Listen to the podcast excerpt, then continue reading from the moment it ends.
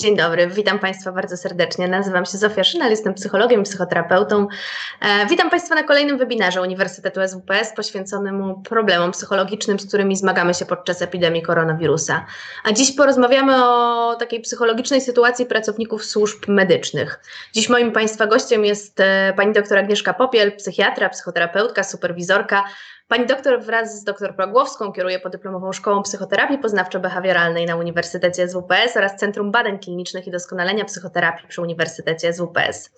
E, od lat prowadzi badania nad zespołem stresu pourazowego i to, czym się aktualnie mierzymy, też zdaje się mieć pewien charakter sytuacji stresowej. Będą tacy, którzy spodziewają się wręcz jakiegoś zbiorowego PTSD e, po tym wszystkim. Pani doktor, może od tego byśmy zaczęły. Co Pani o tym myśli?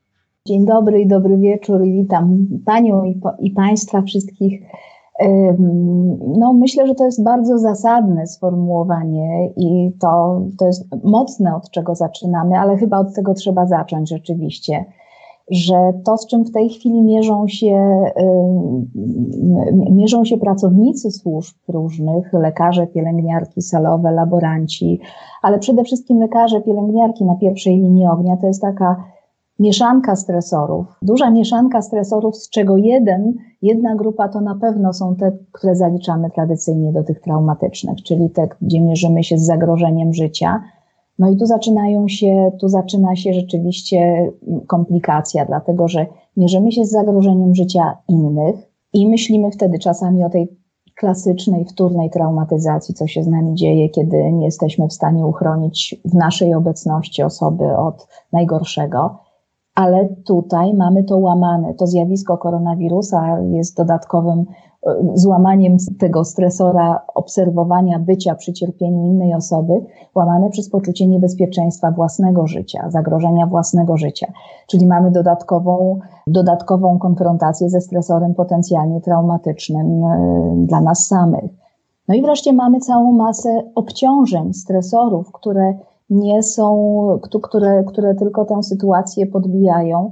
To są te stresory w zasadzie codzienne, ale one wiążą się z niepokojem o życie najbliższych, o to, co się dzieje z naszymi rodzicami, z naszymi dziećmi, no i tym wszystkim, co, co, co dzieje się również organizacyjnie, więc, więc ten, mm, to byłoby bardzo złe słowo, ale ten koktajl stresorów jest zaiste bardzo, bardzo, bardzo mocny. No i też nigdy nie byliśmy w stanie się przygotować na taką sytuację, ani jako społeczeństwo, ani jako jednostki, prawda? Nie mieliśmy szansy pomyśleć o tym, co się będzie z nami działo, więc to chyba dodatkowo, e, że nie mamy doświadczeń, do których możemy się bezpośrednio odnieść, a przynajmniej większość z nas, prawda? Tak, to, to zresztą uzasadnia, dlaczego pewnie Pani zaczęła od mówienia o, st- mhm stresorach traumatycznych, że, że właśnie istota traumy to to, że my się nie jesteśmy w stanie przygotować, że to jest coś, na co nie mamy scenariusza takiego wprost. Choć tutaj pozwolę sobie powiedzieć, że akurat, akurat lekarze, mm, osoby wykształcone mają pewien zasobnik, czyli, czyli, czyli w tym sensie pewne obszary przygotowania są, i będziemy z nich korzystać jak szaleni, bo to jest bardzo ważny zasobnik, ten profesjonalizm, który sprawia, że jednak mamy algorytmy na pewne sytuacje. Pani doktor, to oprócz tego, że lekarze mają pewne zasoby i to im jakoś być może ułatwi, ochroni ich przed tym wszystkim, co się dzieje, na tyle, na ile będzie to możliwe, to z czym w takim razie się mierzą w tej chwili? Z takiego psychologicznego punktu widzenia? No, mierzą się e, trochę od, od drugiej strony, patrząc na te kategorie stresorów, czyli mierzą się, mierzą się z przewlekłym stresem, z takim obciążeniem, presją, działaniem pod presją, e, pod presją czasu, niepewności, tego niewiadomego, niedomogów organizacyjnych oczywistych, które, które zawsze są i będą, więc, czyli jest ta duża presja i działanie pod presją cały czas. Mierzą się z własnym lękiem, E, lękiem znowu wielotorowym, lękiem o własne życie, zacznijmy od tego takiego najbliższego, ale również o to, czy to zagrożenie nie dotknie najbliższych mi osób, niezależnie od tego, że to ja jestem no, mhm w pracy, ale... Czyli z tym, z czym wszyscy się mierzymy, dodatkowo oprócz tego, z czym mierzą się jako lekarze. Mhm. Z, tym, z, z, tym wszystkim, tak. No i z tym, że towarzyszenie, czy, czy, czy bycie w sytuacji obserwowania ogromnego cierpienia, odchodzenia innych osób, to jest, no, no, no to są stresory traumatyczne. Z tym, że paradoks polega na tym, taki okrutny w tej sytuacji, polega na tym, że o ile mm, ja pamiętam taką książkę, oksfordzki podręcznik lekarza klinicysty w dawnych czasach czytany, który kończył się taką poradą dla młodych lekarzy, ale pamiętaj, każdy dyżur się kończy i cokolwiek by się tam nie działo. I myślałam o tym, chociaż nie myślałam o tej książce przez dwadzieścia parę lat, ale myślałam o tym teraz, dlatego że Tutaj mamy takie wrażenie, że ten dyżur nieprędko się skończy, dlatego że mamy taką, nie, oczywiście każdy dyżur się kończy, ale ta sytuacja globalnie jest sytuacją, która nie wiemy kiedy, a na pewno nie jest to mm, rozważane w kategoriach 24 godzin tygodnia, mm. więc mamy e, tę przewlekłość, która znacząco utrudnia nam funkcjonowanie, dlatego że nawet w katastrofach naturalnych to wiemy, kiedy jest ta kulminacja, znaczy trzęsienie tak. ziemi dwa sekundy, a potem jest ogarnianie sytuacji po. E, natomiast tutaj mamy cały czas sytuację trwającego zagrożenia i, no i to komplikuje bardzo nasze funkcjonowanie. No i, i chyba jako, przynajmniej jako społeczeństwo nie do końca wiemy, czego się spodziewać, prawda? Hmm. Co dalej, bo, bo nie wiemy, jak długo to potrwa i z czym przyjdzie nam się mierzyć w kolejnych dniach. Czyli e, no, spodziewamy się, że pracownicy służb medycznych będą borykali się z przewlekłym stresem, bardzo dużą odpowiedzialnością, ogromną presją. Jak to może wpływać na ich psychikę, na psychikę jednostki? Z pewnością ta, ta część, e, tutaj, tutaj część, część naszych reakcji są to reakcje typowe ostrego stresu. Po, po, czym poznajemy, że jesteśmy w stresie, po, po stanie wzbudzenia, po stanie kłopotów z koncentracją czasami. Uwaga, dlatego że to są sytuacje, kiedy mm, może od, obniżać się nasza jakość wykonania, nasze mhm. i, i e, dlatego warto na to zwrócić uwagę również, bo pewnie też mamy lekarze, pielęgniarki, mają sposoby chronienia się przed tym. Wszyscy mamy, we wszystkich zawodach pomocowych procedury przed tym chronią, że jeżeli zadziałamy automatycznie, to nas będzie trochę przed tym chronić. Natomiast myśląc o tym, wracając do reakcji, będą, mamy do czynienia z takimi reakcjami ostrego stresu, czyli reakcjami właśnie takiego bardzo silnego, krótkiego wzbudzenia, ale potem mamy te reakcje przeciążenia utrzymującego się, tego dłuższego, które może być bardzo czasami, ja mam nadzieję, że ono jest zrozumiałe dla bliskich osób, ale czasami nie jest. I to są nasze stany poddenerwowania, irytacji, łatwiejszego wybuchania gniewem, albo też takiej większej gotowości do reagowania lękiem, mimo tego, że ja wcześniej czegoś takiego nie miałam, że to nie było mo moją typową mhm. Oczywiście towarzyszą temu mogą kłopoty ze snem, wspomniane wcześniej kłopoty z koncentracją. Czyli, czyli tutaj mówimy o tym stanie takim przewlekającym się, mhm. bo y, staram się nie mówić w tym momencie o takich reakcjach, chociaż należy je oczywiście wziąć też pod uwagę, bo przecież ta grupa zawodowa, bardzo szeroka, ta grupa, mówimy o tych grupach dzisiaj zawodowych, dlatego że mówimy dzisiaj, rozumiem, o wszystkich, o lekarzach, pielęgniarkach, e, o ratownikach medycznych. Medycznych, o laborantach.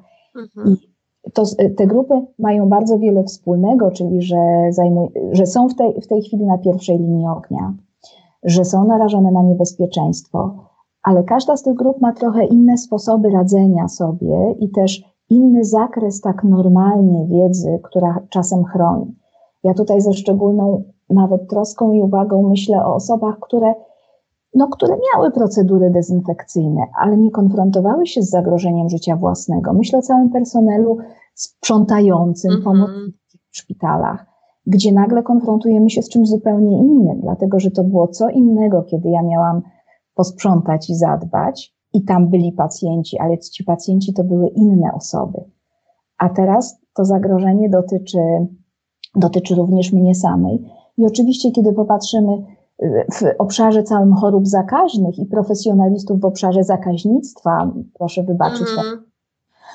tam ludzie są wyszkoleni. Tak. Teraz nagle w ciągu godziny zakaźnikami stają się pediatrzy, więc y, czy też nagle stają się osoby, które wcześniej no, od czasu do czasu przeszły sobie mopem przez korytarz, z mopem przez korytarz, myślę o, o, o mm. personelu szpitala I, I, to jest już zupełnie inna kategoria. Czyli, czyli myśląc bardzo szeroko o, tych, o, o różnych grupach zawodowych, y, które, które są w tej chwili na pierwszej y, linii frontu, to również sposoby zaradcze mogą być inne, ale stresory są bardzo podobne, bo cały czas to będą te same stresory narażenia własnego życia, przeciążenia i konfrontacji ze stresorem traumatycznym i reakcje z tym związane, czyli koszmary, wzbudzenie. Tu mówimy już o takiej ostrej reakcji na stres typowych mhm. stresorów traumatycznych. Nie chciałabym demonizować, bo ona występuje stosunkowo nie tak często, bo jednak no, podlegamy pewnym mechanizmom psychologicznym i nie każdy z nas, e, e, bardzo wiele osób, które po raz pierwszy idą do szpitala, reagują na tę sytuację bardzo, bardzo intensywnie. Natomiast habituujemy się, czyli pracując w, pracując w szpitalu, no, przyzwyczajamy się do tego, co się dzieje na dyżurach, więc, więc nie mówię o tym w złym sensie, po prostu inaczej nie moglibyśmy funkcjonować. Dlatego, y, dlatego myślę, że te reakcje y, ostrych zaburzeń potraumatycznych, one będą rzadsze stosunkowo w tej chwili, dlatego że mówimy. Czyli jednak... trochę uspokajamy i mówimy o tym, że to nie jest tak, że wszyscy, którzy są narażeni na to, e, na, nawet na, na, na bodziec taki traumatyczny, tak? czy na sytuację traumatyczną, to nie znaczy, że u każdego rozwinie się czy ostra reakcja na stres, czy już na pewno zaburzenie stresu pourazowego. Czy to się tak, zgadza? Bardzo dziękuję, że Pani o tym powiedziała, bo, bo to jest y, jedna z ważniejszych rzeczy, które, o, które, które zazwyczaj, o, o, których bardzo ważne, żebyśmy pamiętali, że, że jako gatunek jesteśmy wyposażeni w bezpieczniki. Nie możemy. Wobec, bo też osadźmy to, Pani zaczęła naszą rozmowę i to jest bardzo ważne, że bardzo wielu z nas nie zetknęło się nigdy z taką sytuacją. Dzisiejsze pokolenie nie ma nawet w pamięci ale y, nie ma nawet w pamięci do ostatnich pandemii, nie wiem, zamknięcia Wrocławia w 63 roku, wojny, tego co było wcześniej, ale traumy, wydarzenia globalne, traumatyczne, pandemie, epidemie, zarazy y, y, działy się i jako gatunek jesteśmy wyposażeni w sposoby na przetrwa, przetrwania. I dlatego, mm, kiedy myślimy o tym, to musimy pamiętać, to mniejszość będzie miała objawy, mhm. znakomita mniejszość objawy PTSD. Jeżeli one wystąpią, trzeba będzie je leczyć, bo są sposoby, ale, ale to mniejszość. Pani doktor, tutaj pada takie pytanie od uczestników naszego czatu. E, w jaki sposób ten personel medyczny może zadbać o siebie w trakcie odbywania dyżuru? Czy są jakieś takie techniki, sposoby? Jak rozumiem, chodzi o te rzeczy, z którymi mogą się borykać, jak, jak Pani wspomniała o objawy różnego rodzaju, czyli wyobrażam sobie na przykład trudności z koncentracją, czy, czy jakieś nasilone e, myślenie, które może generować lęk. Czy coś jest takiego, czy mogłaby Pani coś poradzić e, lekarzom, być może pielęgniarkom, laborantom? Jesteśmy podczas, nasza rozmowa toczy się podczas webinaru na uczelni psychologicznej i zazwyczaj mamy tendencję do skupiania się na bardzo psychologicznych czynnikach i na tym, co możemy zrobić z własnym myśleniem, z, własnym, z własną fizjologią, e, jako techniki relaksacyjne, jakieś specyficzne metody. Ja bym je teraz przesunęła jako ostatnie w kolejce.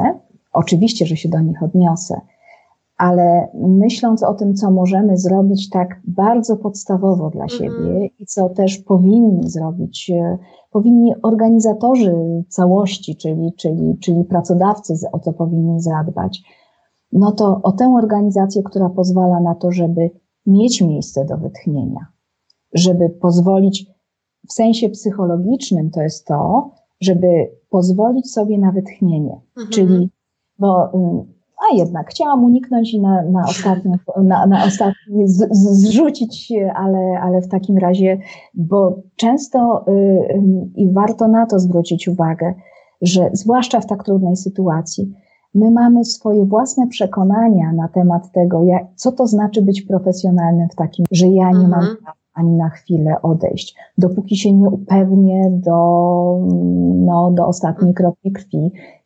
Muszę, muszę, muszę, muszę, powinnam sprawdzić, powinnam. Dlatego ten moment to jest y, pozwolenie sobie na odpuszczenie i obowiązek resetu. Obowiązek resetu raz na jakiś, na jakiś czas podczas dyżuru. Sprawą pracodawcy jest to i warto, warto, warto o to zawalczyć żeby takie miejsce było. Żeby było mhm. miejsce, w którym można odpocząć. Odpocząć w sposób, i tutaj dochodzimy do tego niewymuszony, taki jak każdy z nas ma w ramach różnic indywidualnych, bo mhm. jedni z nas będą chcieli wtedy pomilczeć, inni będą chcieli popatrzeć tempo w telefon, inni będą chcieli natychmiast porozmawiać z rodziną, czyli, czyli również nie ma tutaj zasady. Natomiast będąc w zespole, zazwyczaj trochę się znamy i wiemy, jak kto reaguje, też nie, nie ma żadnych wymuszeń. Czyli na pewno to miejsce na reset. Powiem o czymś bardzo związanym z psychę, ale o żywieniu. O tym, że trzeba w tym czasie dobrze jeść. Nie dobrze mm, mówiąc w sensie ucztowania, natomiast zadbać o to, żeby nie wyczerpywać swojego organizmu dodatkowo. A tutaj koledzy lekarze, lekarki, pielęgniarze, pielęgniarki są mistrzami w tym, żeby o siebie nie dbać w takich sytuacjach. Dlatego, dlatego, dlatego to jest, wa, warto również, żeby o tym, żeby o tym przypominać, o tym, e, o tym takim bardzo podstawowym, pełnowartościowym jedzeniu, które, które dobrze byłoby, żeby mieć na to czas, miejsce, żeby być może zapewnić. Czyli jak rozumiem, nie dokładać swojemu organizmowi y, innych rzeczy, z którymi musi sobie radzić, bo i tak jest mu ciężko. Tak można tak, to. Mhm. Dokładnie, dlatego że to jest dodatkowy stresor, którego nie potrzebujemy w tym momencie, I, a możemy zadziałać tak, bo szczęśliwie nie jest to sytuacja niedoborów żywieniowych w kraju, mhm. tylko jest to sytuacja, akurat to możemy zapewnić to w miarę prosto. Więc, więc inną kwestią, czy też tą bardzo ważną, bo przecież wielu z nas bardzo się niepokoi o los rodzin. O to, co się w tym czasie dzieje z dziećmi, czy one są pod opieką, czy też nie przedarły się do dziadków, mhm. czy też słowem, słowem, co się dzieje. I znowu, to też jest taka kwestia, o której warto pamiętać, jeżeli ja będę cały czas pochłonięta myśleniem o tym, co się dzieje w domu, to moje zasoby uwagi, które mm, są ograniczone i będę je musiała poświęcić na coś innego, no też stoją, y, napotykają wyzwania. W związku z tym to dobrze jest też spróbować zorganizować, jak to jest z tymi kontaktami z rodziną na dyżurze, albo co oznaczają telefony. Na przykład, kiedy, no nie wiem, córeczka chce porozmawiać, to, że y, ten telefon jest być może inny, ale jeżeli no, czasami ludzie różnie to organizują, albo, albo że, że, że wiem, że widząc, że telefon miga, nie muszę myśleć, że tam się coś stało. Czyli mhm. być może sposób komunikowania się z rodziną, który oznaczałby, że kiedy jest coś bardzo poważnego, to y, jest to pewien rodzaj komunikowania się, pewien rodzaj telefonu, sygnału, albo no to wtedy dzwoni mąż, a kiedy jest to sytuacja chęci na pogawędkę, bo mamo, może masz czas w pracy, masz akurat przerwę, wtedy można potraktować taki telefon, dobra, oddzwonię, jak będę miała możliwość w wolnej mhm. No i wreszcie coś takiego, znowu jesteśmy przy tym, trochę, trochę przemieszałam tutaj, proszę o wybaczenie, tę taką hierarchię, kolejność różnych rzeczy, ale, ale myślę, że jesteśmy cały czas wśród tych, które mogą być ważne, aktywność fizyczna. Znowu, to jest tak, nam się wydaje, my jesteśmy zmęczeni do upadłego, ale część z nas potrzebuje aktywności fizycznej takiej, że znowu, być może ten pokój, który jest pokojem na reset, mógłby być pokojem, gdzie również można byłoby, mo, można byłoby poćwiczyć przez chwilę, jeżeli ktoś, zwłaszcza jeżeli ktoś bardzo tego potrzebuje, ale, ale również po to, żeby się, żeby normalnie fizycznie się odprężyć. Także, także mówiłyśmy tutaj o tych rzeczach takich bardzo podstawowych i niepsychologicznych, ale z psychę. Ale wpływających jednak patrzymy na, na naszą tak. kondycję psychiczną. Tak.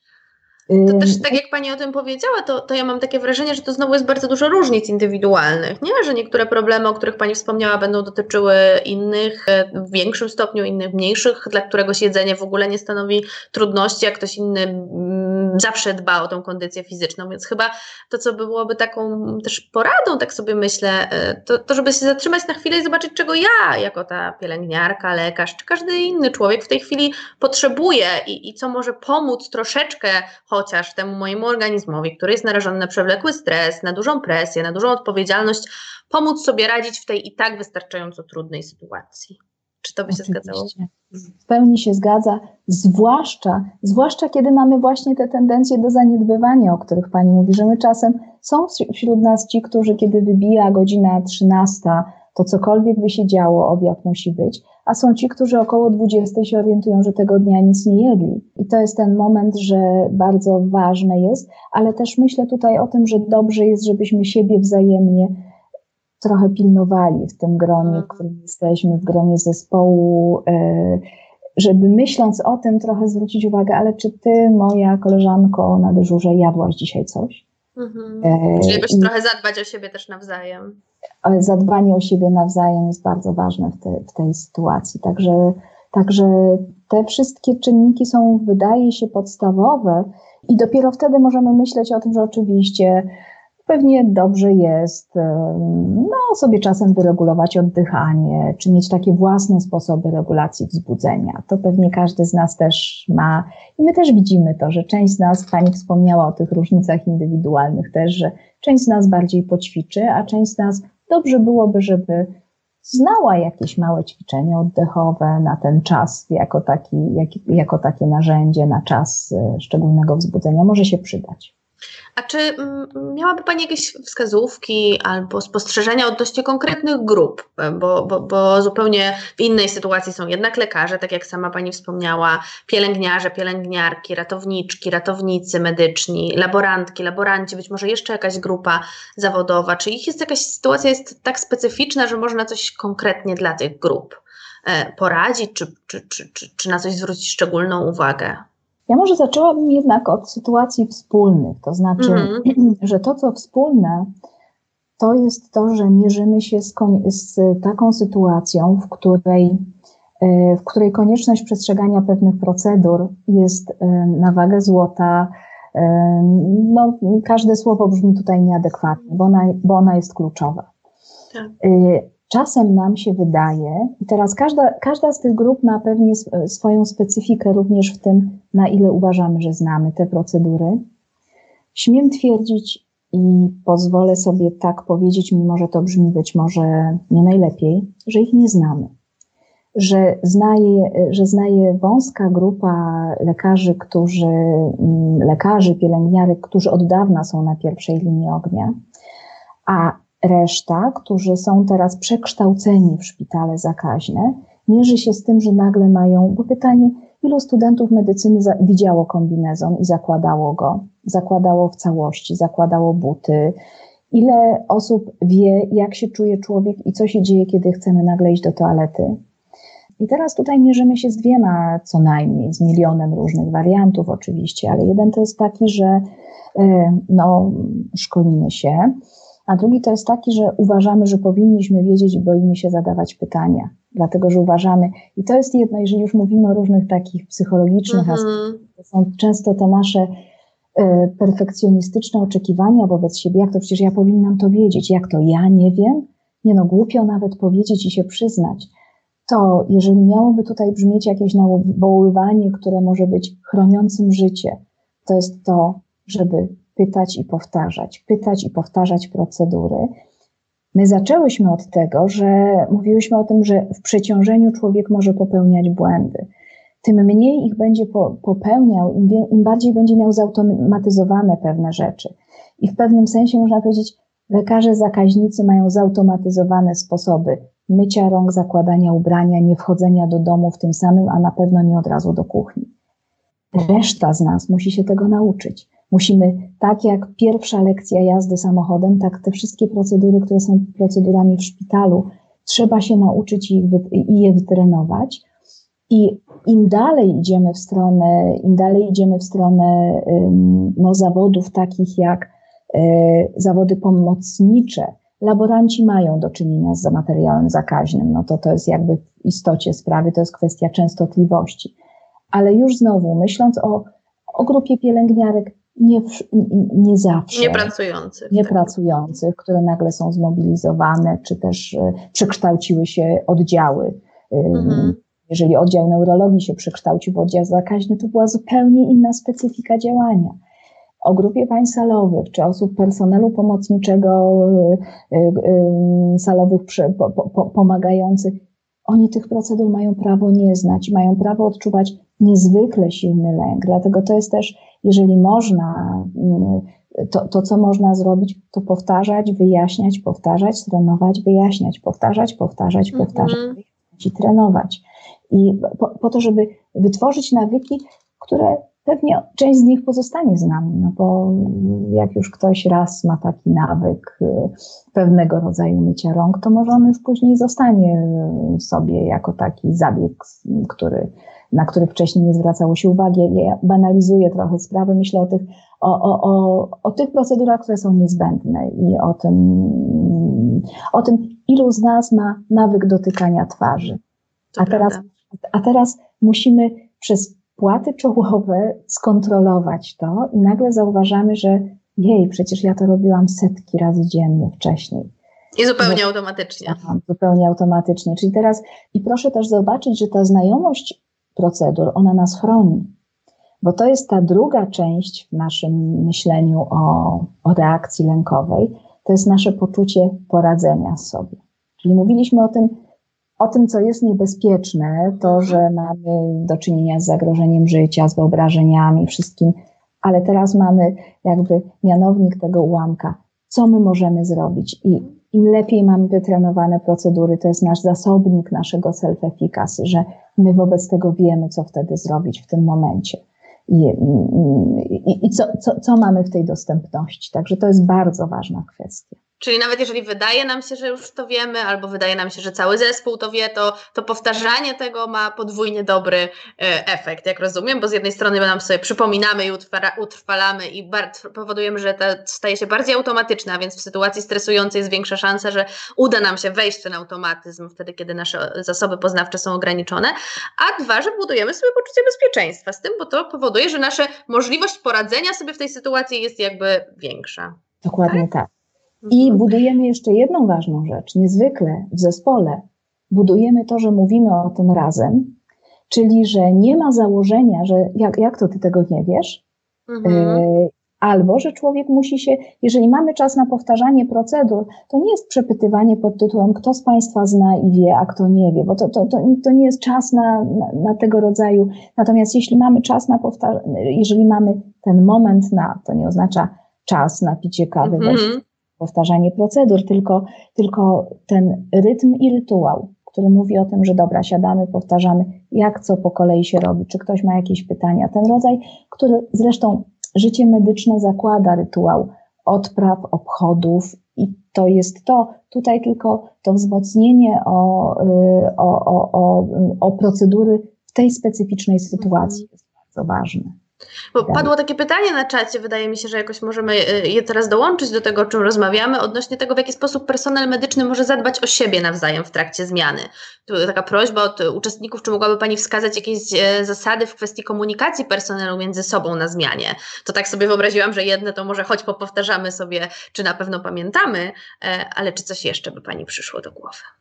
Myślę, że to wszystko y, y, z jednej strony, y, z jednej strony wszyscy działamy w stresie, wobec tego wszyscy działają w stresie, wobec tego częścią dbałości jest większa wyrozumiałość wobec różnych reakcji innych osób, nie eskalowanie konfliktów, dlatego że część z nich nie ma znaczy, mm, część z nich nie ma nic wspólnego z tą drugą osobą, na którą właśnie ta pierwsza krzyknęła. Mhm. Chociaż czasem być może to krzyknięcie jest mm, bardzo ważne. Ono może być ważne, bo ono pionizuje i powoduje, że, że, e, że pewne rzeczy się zadzieją. Ale, ale na pewno ta część wyrozumiałości, która wyrozumiałości w komunikowaniu się, to wszystko, o czym mówiliśmy wcześniej, czyli żywienie, chwila na odpoczynek, to jest ta część dbałości o siebie nawzajem, spojrzenia na koleżankę i przecież ty stoisz przy tym, y, w tym miejscu od sześciu godzin. Jak to się stało, że ty nie miałaś czasu na przerwę? Że nie było, czyli z jednej strony możemy oczekiwać, że mamy to w ramach zasad panujących w oddziale, ale z drugiej, że my siebie również pilnujemy wzajemnie i mówimy, moja droga, teraz ja, a ty idziesz odpoczywać cokolwiek by się, cokolwiek by się nie działo, nie widzę Ciebie tutaj. Cokolwiek by się nie działo, e, e, to, to co dotyczy jedzenia, to co dotyczy, mówiąc od środka, bo zapytała Pani o to, co możemy w ramach tego samego mm -hmm. Jakby w, w tych samych sobie murach, nawzajem. Sobie nawzajem, czyli to są te rzeczy, o których możemy y, i oczywiście bardzo ważne, zresztą wszyscy, którzy pracują w warunkach y, tak znaczącego obciążenia, to dotyczy w ogóle służb pomocowych, to te miejsca na reset i te momenty na reset, to są takie ważne momenty, odreagowania i mówienia i, i, rozmawiania, i tam wcale nie jest potrzebny psycholog. Tam ważne jest porozmawianie po prostu w tej wspólnocie doświadczeń, także my nie oczekujemy tam mega psychoterapii w oddziale. Oczekujemy tam, że ludzie mają szansę i możliwość, żeby usiąść i chwilę, być może nawet okraszoną yy, niecenzuralnym słowem albo, albo czymś, co sprawia, że czujemy, że w tym gronie czujemy się bezpiecznie i możemy możemy porozmawiać. To są rzeczy, które na pewno możemy zrobić, wiedząc, a tym bardziej, im bardziej wiemy o trudnych sytuacjach, y, o kontekstach osobistych. Y, Im bardziej znamy też tą osobę, wiemy jak ona zazwyczaj reaguje, to możemy jej tak naprawdę najwięcej wtedy pomóc, bo, bo wiemy kim jest i jak zazwyczaj sobie radzi i czego się po niej spodziewać. Więc chyba taka koleżeńska pomoc jest w tej chwili, drodzy Państwo, bardzo ważna i nie Najważniejsza. Mhm. Najważniejsza. Pojawiło się też takie pytanie, e, nie wiem kto jest jego autorem, możemy się zastanowić wspólnie, e, jak poradzić sobie z obawą o nieświadomie zarażenie, o nieświadome zarażenie swoich pacjentów? E, co można by powiedzieć osobie, która czuje taki lęk? Nie wiem, czy tu chodzi o pracownika służb medycznych, w sensie pracującego być może zupełnie w innej sytuacji niż, niż szpital w tej chwili zakaźny, no bo przecież jest wielu lekarzy, którzy no, zostają dalej na posterunkach, pracują w gabinetach, nie mają możliwości, tak jak my psychoterapeuci, pracować zdalnie. E, na mhm. Skype'ie czy innym komunikatorze, no i, a jednocześnie boją się tego, że mogą zarażać swoich pacjentów? To jest bardzo ważne pytanie i bardzo dobrze, że ono padło, dlatego że ono właściwie przenosi nas w ten obszar e, takiej kwintesencji lęku, kiedy my nie mamy szans na sprawdzenie.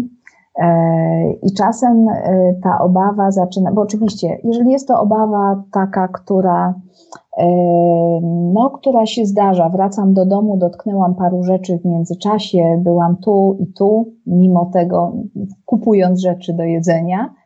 E, I czy aby na pewno? To jest jakby normalne pytanie, które sobie zadajemy. Ale jeżeli to zaczyna nas, w nas kiełkować jako taka myśl, którą nazwiemy albo ruminacją, albo obsesją, czyli takim nawracającym myśleniem, które zaczyna nas e, gnębić i drążyć, no to wtedy warto się zastanowić, oczywiście, e, zastanowić, na ile mam wpływ na rozstrzygnięcie tej wątpliwości. No i znowu, wracamy do tego okropnego słowa, które mamy, które, którego w ogóle jako naród to my go bardzo nie lubimy, słowa procedury. Czyli z jednej strony y, mamy pewne rzeczy do zrobienia. Jest taki moment, w którym powie, możemy powiedzieć, dobra, zrobiłam to, co w mojej mocy i w ramach możliwości, no w miarę w miarę wszystko.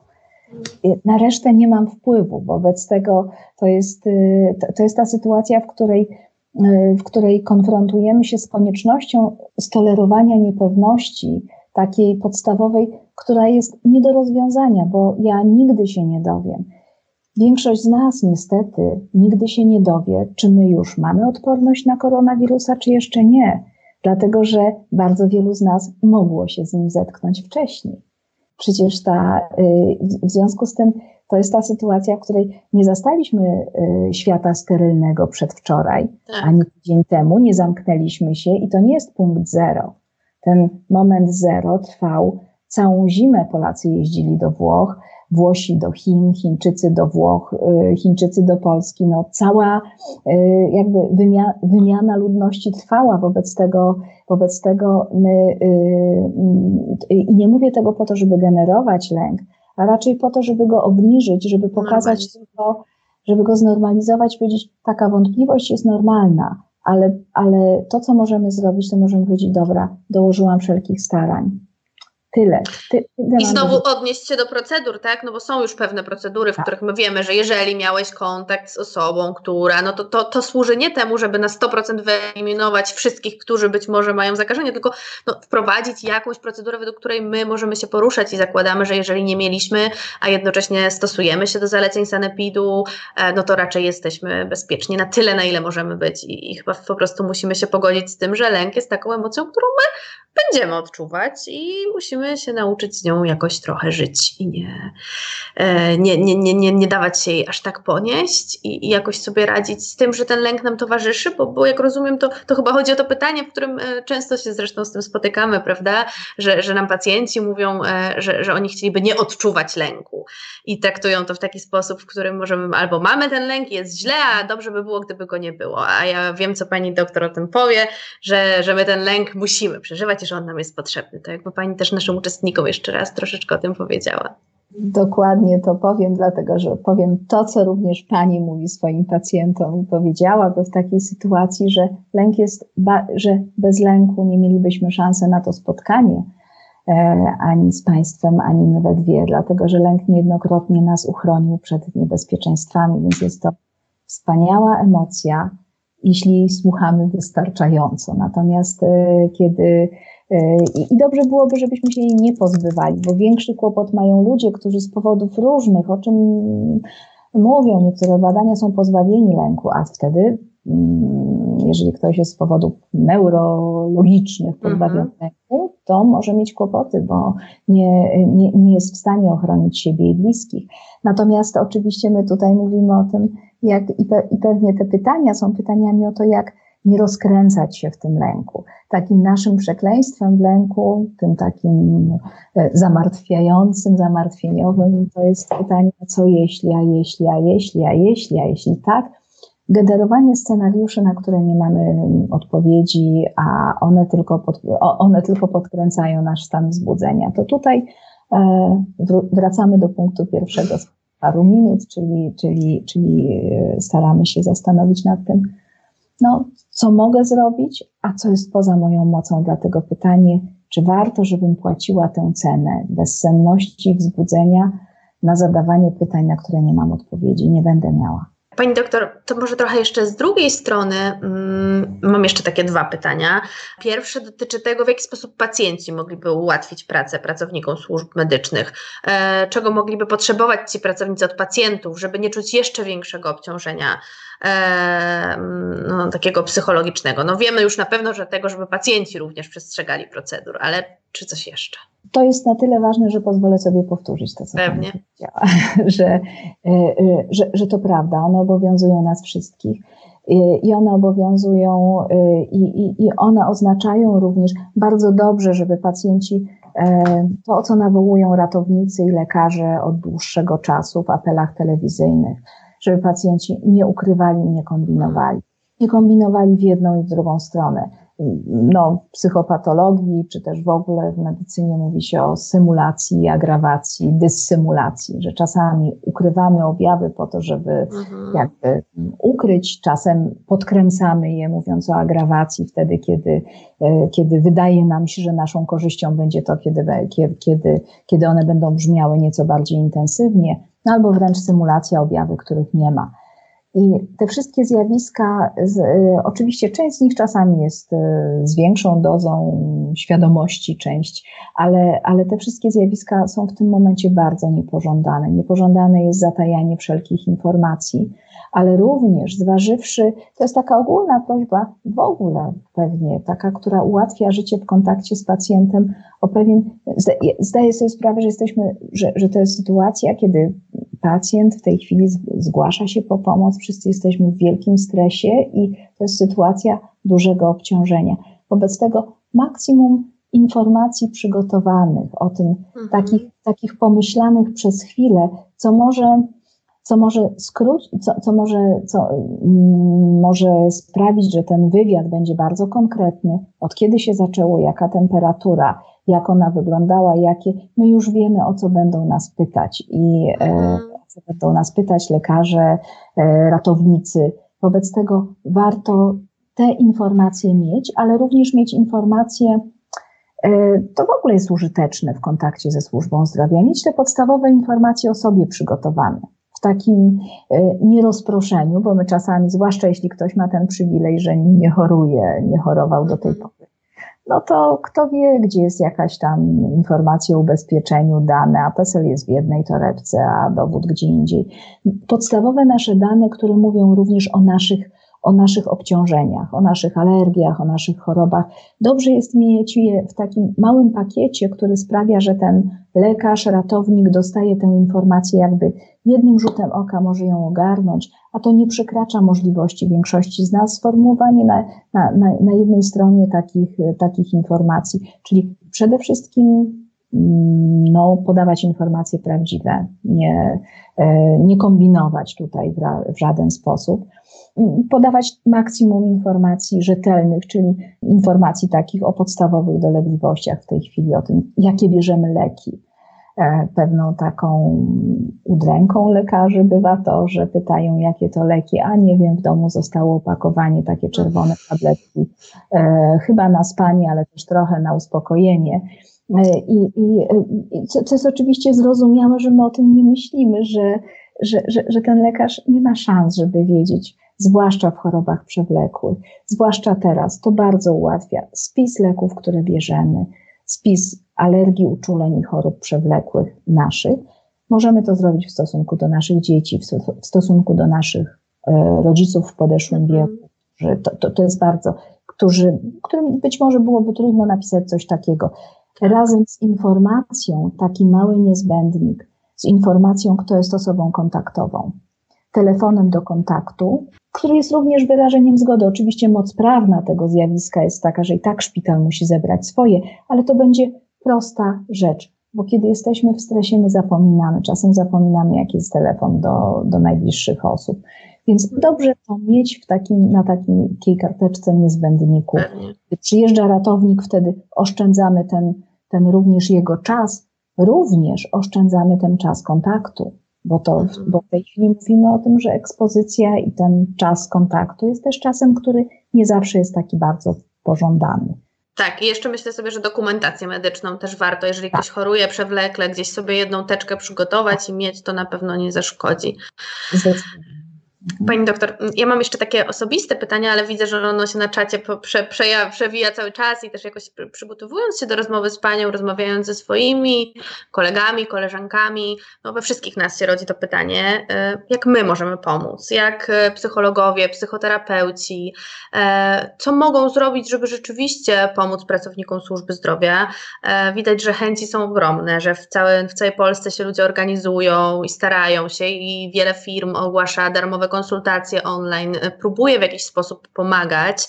E, I, I, czy może ma Pani dla nas jakąś radę, jakąś wskazówkę, jak robić to w profesjonalny sposób, jak robić to, żeby to było najbardziej korzystne i wartościowe?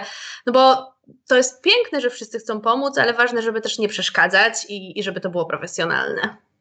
Zgadzam się z Panią i to jest rzeczywiście bardzo piękne, bo, bo, bo te, te głosy o organizujących, o, o, o, o pomocy dla, o ofercie pomocy, o ofercie telefonów, y, są, są tak, widzialne, prawda? Są widzialne, są liczne i to jest wspaniała inicjatywa. Pytanie jest oczywiście takie, czy one są, y, czyli pierwszą rzeczą byłoby to, żebyśmy w tej inicjatywie wytrwali albo pomyśleli, jak ją zorganizować, kiedy przyjdzie na nią czas, a czas na nią przyjdzie za parę miesięcy, kiedy ta mniejszość z nas, ale być może będzie bardzo potrzebować bardzo profesjonalnej pomocy. Myślę tutaj mniejszość o osobach, y, które y, z, zmierzyły się ze stresorem traumatycznym i być może będą miały objawy mhm. PTSD.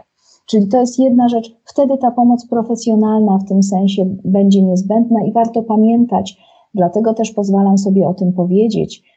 W tej chwili nie, że mm, jest to apel do psychologów, ale również do, do osób słuchających, że można, że, że takie zjawiska mogą wystąpić i że nie chcemy w tej chwili straszyć ani katastrofizować, ale jeśli wystąpią, to one też są jakby mm, normalne w tym sensie, że się zdarzają i że wtedy bardzo warto sięgnąć po pomoc profesjonalną. Pomoc, która jest teraz, ona u części osób może być wymagana rzeczywiście taka profesjonalna myślę o pomocy, kiedy mamy zdefiniowany problem, zaburzenie i z którym się mierzymy i ona się niczym nie będzie różnić od innych obszarów naszego tak. profesjonalizmu. Y, I to jest bardzo cenne, ponieważ dla wielu osób ta sytuacja, dla wielu osób, a przecież wśród tych, tej rzeszy osób, o których dzisiaj mówimy, lekarzy, pielęgniarek, są też osoby, które cierpią na depresję, zaburzenia lękowe, czyli możemy mówić o tym, że ta sytuacja może być również wyzwalaczem nasilenia objawów. I wtedy ta inicjatywa jest nie do przecenienia, ona jest wspaniała i bardzo ważna, żeby również nie myślę tutaj o długofalowej terapii um, mhm. w ramach telefonu zaufania, ale profesjonalizm psychologów może tutaj pole, polegać na tym, psychologów klinicznych, psychoterapeutów, na konceptualizacji, oszacowaniu, tak. E, na zdiagnozowaniu i powiedzeniu, proszę pani, to jest typowa sytuacja, dwa dni odpoczynku, porozmawiajmy, mhm. proszę te rzeczy, albo powiedzenie, jeżeli jest pani pod opieką, to warto no, teraz być może mimo wszystko poświęcić temu trochę czasu, bo to mhm. zbyt utrudnia pani funkcjonowanie.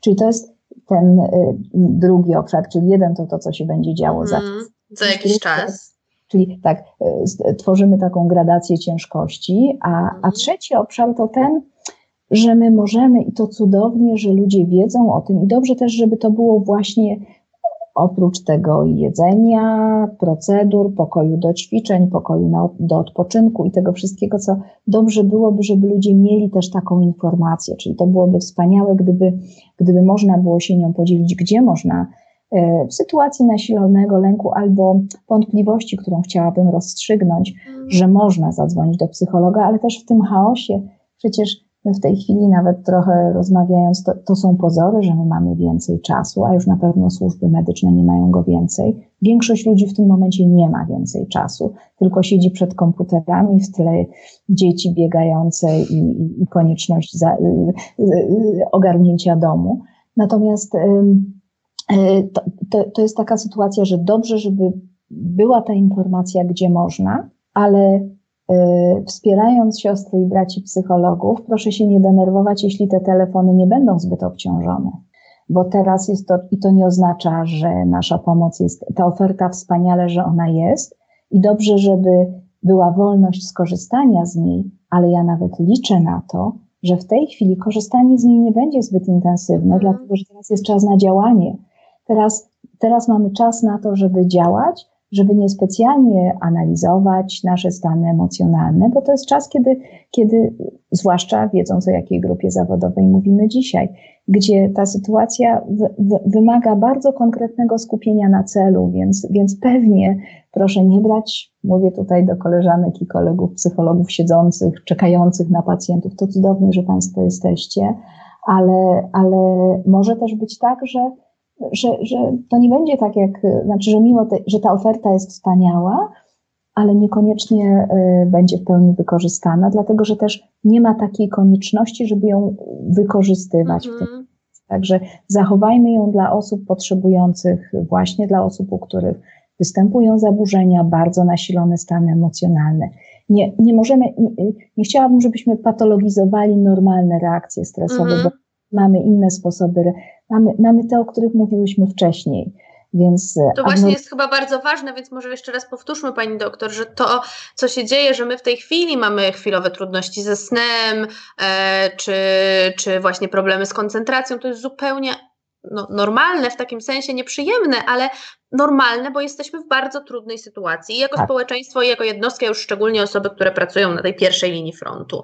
I że mm, o zaburzeniach psychicznych będziemy mówić wtedy, kiedy te objawy będą z nami dłużej, kiedy zaczną mm, być e, bardzo dokuczające i utrzymywać się coraz dłużej, no to wtedy warto zgłosić się do specjalisty, żeby zobaczyć, czy to, co się z nami dzieje, to nie jest właśnie rozwijanie się jakiegoś rodzaju zaburzenia psychicznego, pewnie z kategorii zaburzeń lękowych.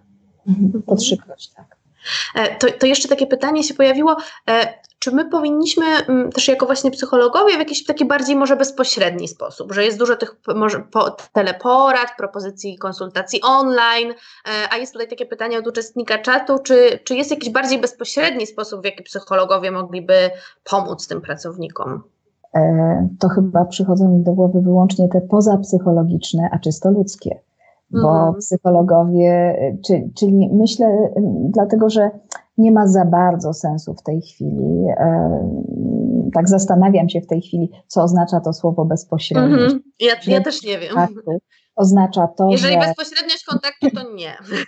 E, jeżeli bezpośredniość kontaktu typu nie online, to powiemy nie, ale też mamy na to swoje uzasadnienie. To znaczy, to uzasadnienie jest takie, że, że, że jeżeli myślimy o profesjonalnej psychoterapii, no tutaj mm, mam pewną tendencyjność w stronę myślenia o terapii poznawczo-behawioralnej, ale ta ma również najwięcej badań to interwencje online są równie skuteczne jak interwencje nie online mimo tego, że my zakład, mimo tego, że te, bez, że te nie online są bardzo, są, są, są bardzo komfortowe, pozwalają nam na, w naszym mniemaniu często też na lepszy kontakt. I na tym zakończyłabym ten wątek bezpośredniości, tak, tak. Że, że jakby jeżeli mamy udzielić profesjonalnej pomocy, to online ona również może być u, u, udzielona dobrze, czyli nie ma tutaj wymogu kontaktu bezpośredniego z, pacjent, z pacjentem, z osobą poszukującą pomocy, ale oczywiście reszta to już nie jest ten profesjonalizm dotyczący metody terapeutycznej, ale co my jako psychoterapeuci, psychologowie, ludzie, y, co mogą zrobić, y, no to wszystko, o czym myślimy, co można zrobić dla, a zatem odciążyć, w, y, bo, bo myślimy tu o tych, którzy są na pierwszej linii frontu. Wobec tego część z nich to są osoby, które są w naszych rodzinach. Wobec tego, y, wobec tego to jest sytuacja, w której to my mamy zadbać, trochę tak jak to, o czym mówiliśmy wcześniej, że koleżanka w pracy, y, żeby ta osoba odpoczęła, żeby miała szansę na reset, że kiedy przychodzi do domu po dyżurze, to nie jest sytuacja, no wreszcie jesteś, to rachunki czekają i pewne rzeczy zrobienia.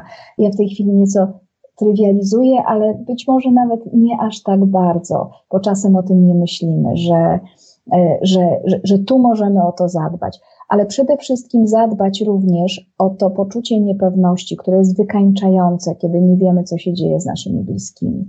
O ten sposób komunikowania, mówienia w domu, w porządku, ogarnięte, pracuj spokojnie. To jest bezcenne że, e, że, że możemy liczyć na kogoś, kto w tym momencie jest zmiennikiem w, organiza- w ogarnianiu organizacji, jaką jest rodzina. Proszę wybaczyć, że tak o tym mówię, ale ta mieszanka tutaj jest, e, jest bardzo ważna do uwzględnienia, że potrzebujemy zmiennika, jeżeli jesteśmy na pierwszej linii frontu i to jest to, co ten zmiennik może zrobić.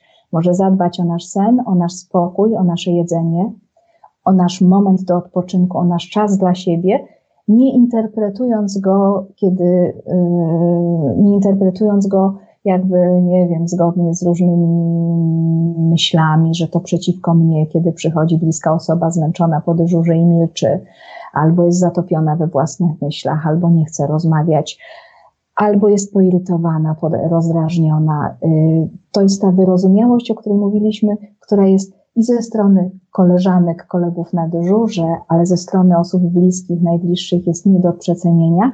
I w związku z tym to jest wyrozumiałość, którą jako y, no, osoby, które są również, mamy koleżanki, kolegów y, bliskich, najbliższych, y, którzy właśnie w tej chwili pracują w, na pierwszej linii ognia, to możemy zrobić. Czyli, a psycholodzy mogą wspierać również tych, którzy są bliskimi osób, które są na pierwszej linii frontu, no żeby były tymi dobrymi wspieraczami.